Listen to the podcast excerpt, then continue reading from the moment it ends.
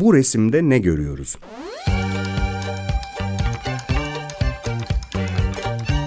Çocuklarla sanat okuma ve düşünme.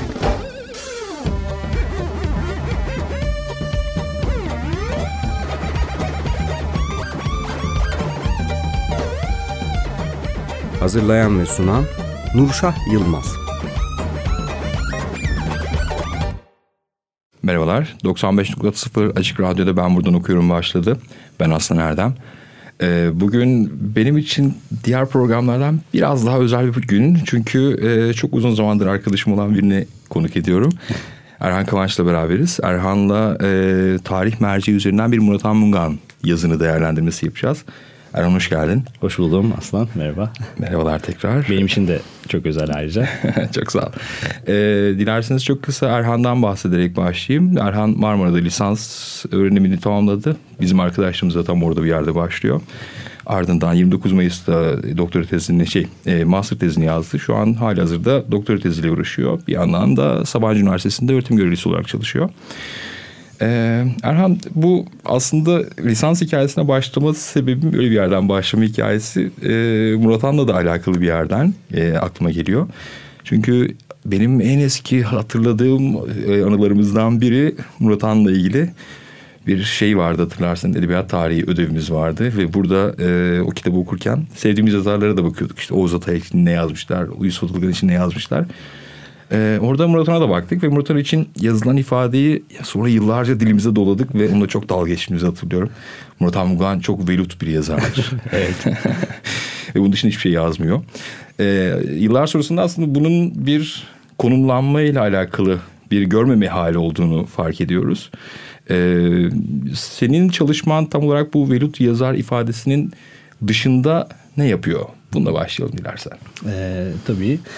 Aslında biz bunu Evet yıllarca bir şaka olarak kurduk ama e, daha sonrasında bunun senin de dediğin gibi bir e, kısıtlı bir bakışa evrilme, bir görmeme hali olduğunu elbette anladık. Aslında bence buna iki noktadan bakmak gerekiyor. Öncelikle Murat Anmungan'ı e, bu çalışmaların daha geleneksel muhafazakar edebiyat tarihlerinin görmeme sebebi herhalde Murat Anmungan Munga'nın yazarlığıyla, eserleriyle Murat Munga'nın bir politik kimliğinin de e, birbirinden pek ayrı tutulamaması aslında. Yani şöyle Murat Munga'nın biliyoruz ki bir yazar özne hali dışında bir de politik öznesi var. E, toplumsal olaylara karşı, siyasi meselelere karşı e, sözü, bir tavrı, bir duruşu var. E, yani onu Hrant Dink anmasında da görebiliyoruz. E, Kobane'de de görebiliyoruz. Gezi Parkı'nda da görebiliyoruz keza. E, haliyle geleneksel edebiyat tarihleri burada biraz daha Murat Anmuga'nın yazar kimliğiyle e, politik kimliğini pek ayıramadıkları için onu daha çok hep nicelikle anıyorlar. Yani Murat Anmugan çok eser vermiştir. Evet ama pek içeriye bakmıyorlar. Yani onu pek görmek istemiyorlar. Külliyatı reddedemiyorlar ancak bir anlamda görmeme hali e, çok belli. E, bense bunun biraz daha tersin tersinde durmaya çalışıyorum. Yani aksi bir şekilde Murat Anmunga'nın bu politik öznesinin yazar öznesiyle birleştiği yerde eserlerine ne yansıyor? Bunu görmeye çalışmak, metinlerine biraz daha yakından bakmak bana daha anlamlı geliyor. Ben de çalışmamda tarih fikrini Murat Anmunga'nın politik söylemiyle aslında biraz daha yakın tutmaya çalışıyorum. E, kendisinin de aslında bir yazısında belirt belirttiği gibi e, burada derslerde hani sen de yaparsın muhtemelen. E, öğrencilere hep şunu söyleriz yani biyografik okuma evet yapılabilir ama biraz da tehlikeli bir alan bu. Çünkü yazarın metnini konumlandırırken yazarın hayatını da ele almak biraz tehlikeli olabilir belki. Ama e, bazı yerlerde ayrı tutulamayan özellikle belki hayatı değil ama e, deneme yazılarında, makalelerinde söylediklerini eserlerinde aramak e, bazen çok da anlamlı oluyor. Murat Anmugan'a ben biraz buradan bakıyorum. Yani senin az önce protesto dediğin şey, yani çalışmanın protestosu dediğin şey biraz herhalde burada. E, benim aradığım noktada. Söyleyebilirim.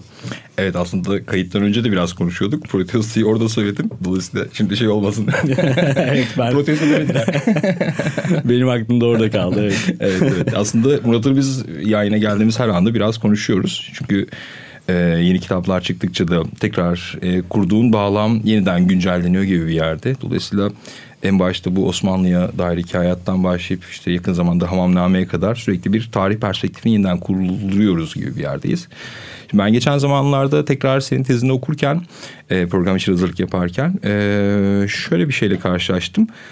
E, sanırım bu tezin anahtar merceklerinden birisi de tarihi edebiyatla güncellemek diyorsun. Bu tam olarak ne demek? Bunu dinleyicilerimiz için biraz özetleyebilir misin lütfen? Tabii. E, çok doğru bir nokta bu. Ben e, çalışmamı bu noktada e, temellendiriyorum aslında. Odak burası. E, tarihi edebiyatta güncellemek. Aslında bu ifade yine Murat Anmunga'nın bir yazısından alınma. 2012 yılında okuyanlar hatırlayacaktır. Bir dersim hikayesi e, seçkisi. Murat Anmunga'nın seçtikleriyle bir dersim hikayesi kitabı çıktı. E, bu kitapta çeşitli yazarlar e, kendi dersim hikayelerini anlattılar.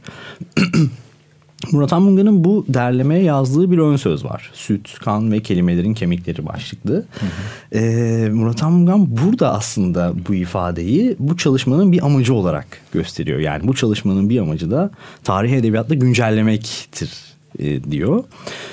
E, bunu ilk okuduğum anı hatırlıyorum. E, bunu okuduğumda şöyle bir e, Murat Anmungan okuru olarak biraz da yakından okuyan biri olarak aslında bu ifadenin Murat Anmunga'nın neredeyse bütün e, çalışmalarında, bütün eserlerinde e, var olduğunu, yani en azından bu fikrin e, temelde hissedili olduğunu gördüm. Yani ilk şiir kitabı Osmanlı'ya dair hikayattan da e, bunu söyleyebilirim. E, son romanı Hamamname için de bunu söyleyebilirim. Hatta geçenlerde e, bir Twitter gönderisinde 2003 2023 yılının başında yayınlanacak olan bir romanındaki bir ifadede de e, bunu görüyorum. Çok heyecanlı bir şey bence bu. E, o yüzden tabii ki ben bu çalışmayı yaptığımda Hamamname ve bu yeni roman yoktu ama e, bu tarihi edebiyatla güncelleme fikri hep vardı. E, biraz bunun üzerine gittim ben. Yani tarihi edebiyatla güncellemek ne demek? E, biraz bunu sorgulamaya başladım ve aslında buradaki fikir e, biraz böyle e, geniş bir çerçeve çizmek gerekiyor belki ama özetle şunu söyleyebilirim. Tarihin güncellenebilir yapısına biraz odaklanıyor. Yani tarih neden güncellenebilir bir yapıda olabilir ki? Bunu aslında gene e, elbette teorik bir zeminde arayabiliriz ama Murat Anmuga'nın yazılarında da bunu çok net görüyoruz. Benim aklıma hemen mesela e, bir deneme yazısında e, söylediği. E, kim demiş tarih yalan söylemez diye. Tarih elbette yalan söyler hem de bu kadar çok ağzı varken e, ifadesi geliyor. Ya da başka bir şiirinde e, dönüp geçmişe bakacak olursak tarihte delilden çok yalan var ifadesi. Yine çok net bir tarihe karşıt bir söylem oluşturuyor. E, bunun aslında bir yandan açıklaması da şu olabilir. E, tarih metinleri de aslında geçmişi e, günümüze aktarırken e, geçmişi tekrar yaşayarak aktarmıyorlar. Belli bir öyküleme kuruyorlar aslında. Yani bir edebiyat metninin, bir romanın yaptığı gibi tarihte geçmişte yaşananları e, öyküleyerek günümüze getiriyor. E, haliyle ortada bir öyküleme varsa bir seçme de vardır. Yani e, o seçmede arada kaybolanlar, unutulanlar, e, yazanın bilinçli bir şekilde arkada bıraktığı e, kişiler özetlemek gerekirse yine ötekiler de vardır olabilir. E, tabii bunu çok masum bir yerden sadece öyküleme e, vardır diye tarih e, geçmiş tam olarak yansıtamaz diyebilir miyiz?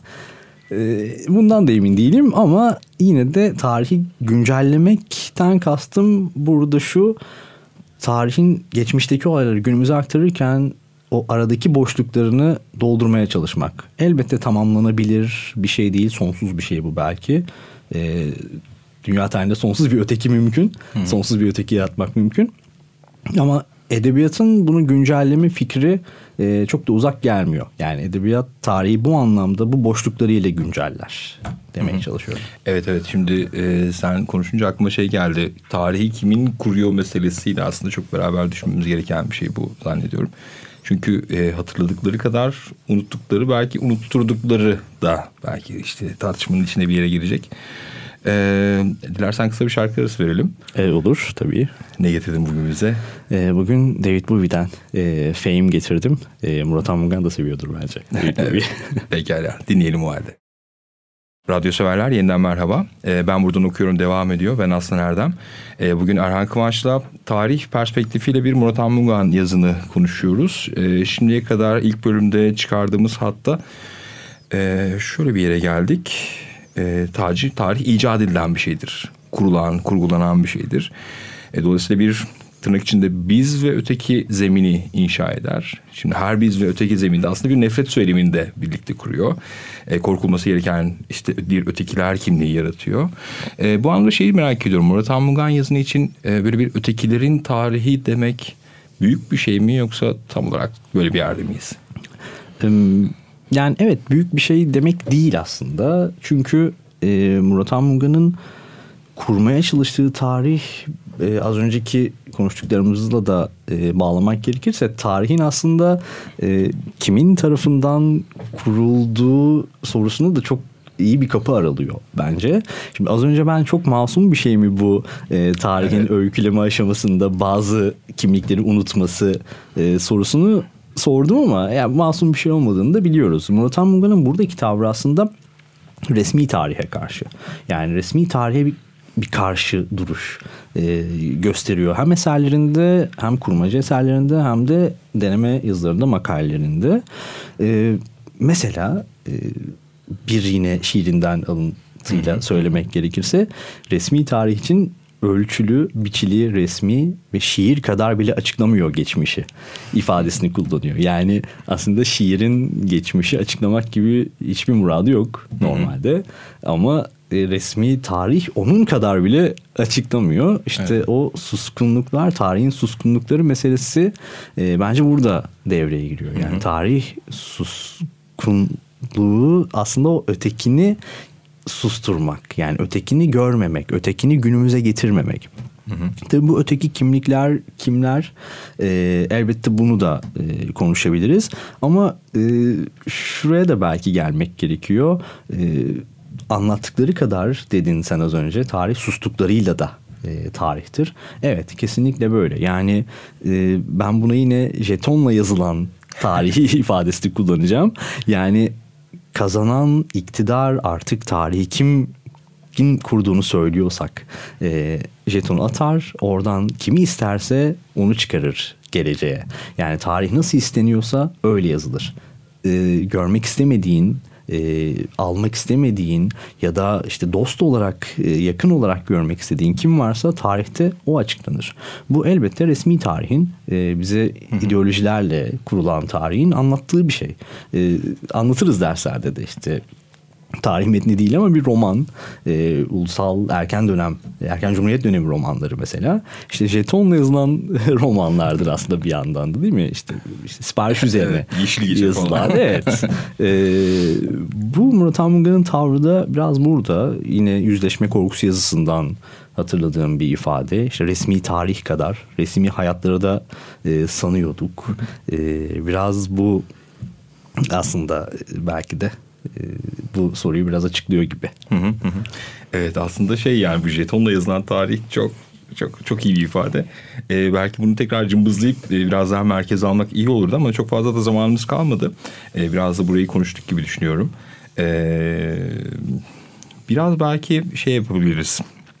Bu mağdunlar evrenine doğru biraz bakabiliriz. Bu ötekiler dediğimiz işte dilsiz bırakılanlar, e, René Murat'ın şiirinden az önce senin de referansı söylediğin işte köyü yakılanlar, tarihsiz, kimliksiz, kültürsüz, belleksiz bırakılanlar, dili yasaklananlar. Dolayısıyla böyle bir kendini yeniden ortaya koyma, yeniden faş etme şiiri de bir yerde Murat'ın kurduğu. E, bu anlamda e, sanki böyle bir bütünlük şeyin varmış gibi de görünmesin ama en başa tekrar bir dönersek ve programı da ufak bir toparlarsak çünkü çok fazla zamanım da kalmadı. Eee şairin kurduğu tarihte şimdi az önce söylediğin o hani şey vardı ya şiir kadar açıklamıyor tarihi gerçekliği meselesinde. Şiirin, şairin kurduğu tarihte neleri görüyoruz?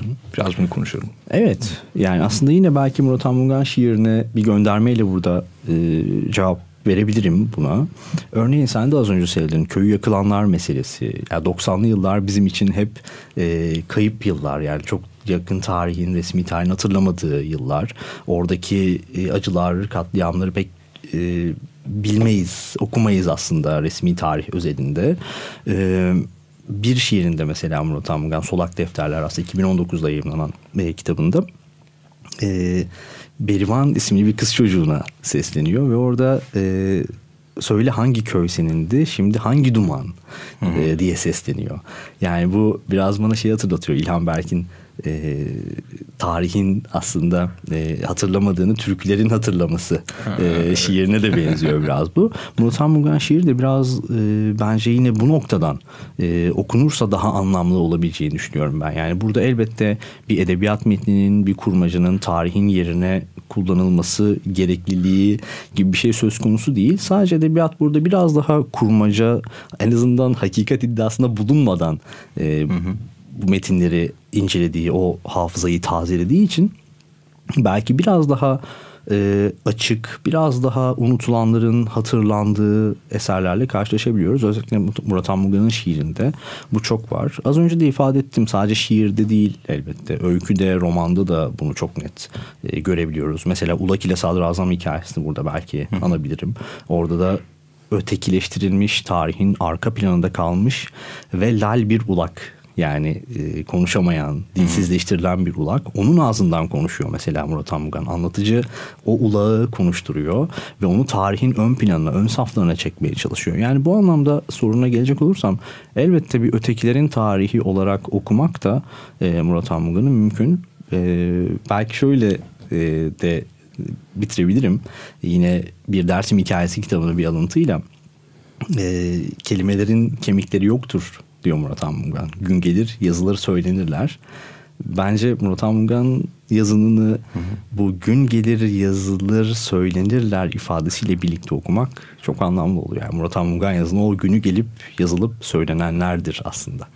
Evet bu e, enteresan bir çağrı oldu. Çünkü şey konuşması hep yapılır ya tarihsel meselelerle ilgili işte dosyalar açılsın, arşivler açılsın falan.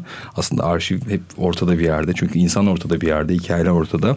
E, biraz minörleşmek ve küçük hikayelere bakmak lazım. Bu anlamda çok özel bir şiir. E, Erhan teşekkürler. E, rica ederim. Ben teşekkür ederim. İyi ki geldin bugün. Teşekkür ediyoruz tekrar. Radyo severler. E, bugün Erhan Kıvanç'la Murat Anmungan şiirini konuştuk biraz. Tarih perspektifiyle beraber. E, ben buradan okuyorum. Bugün sona erdi. İlerleyen haftalarda görüşmek üzere. Hoşçakalın.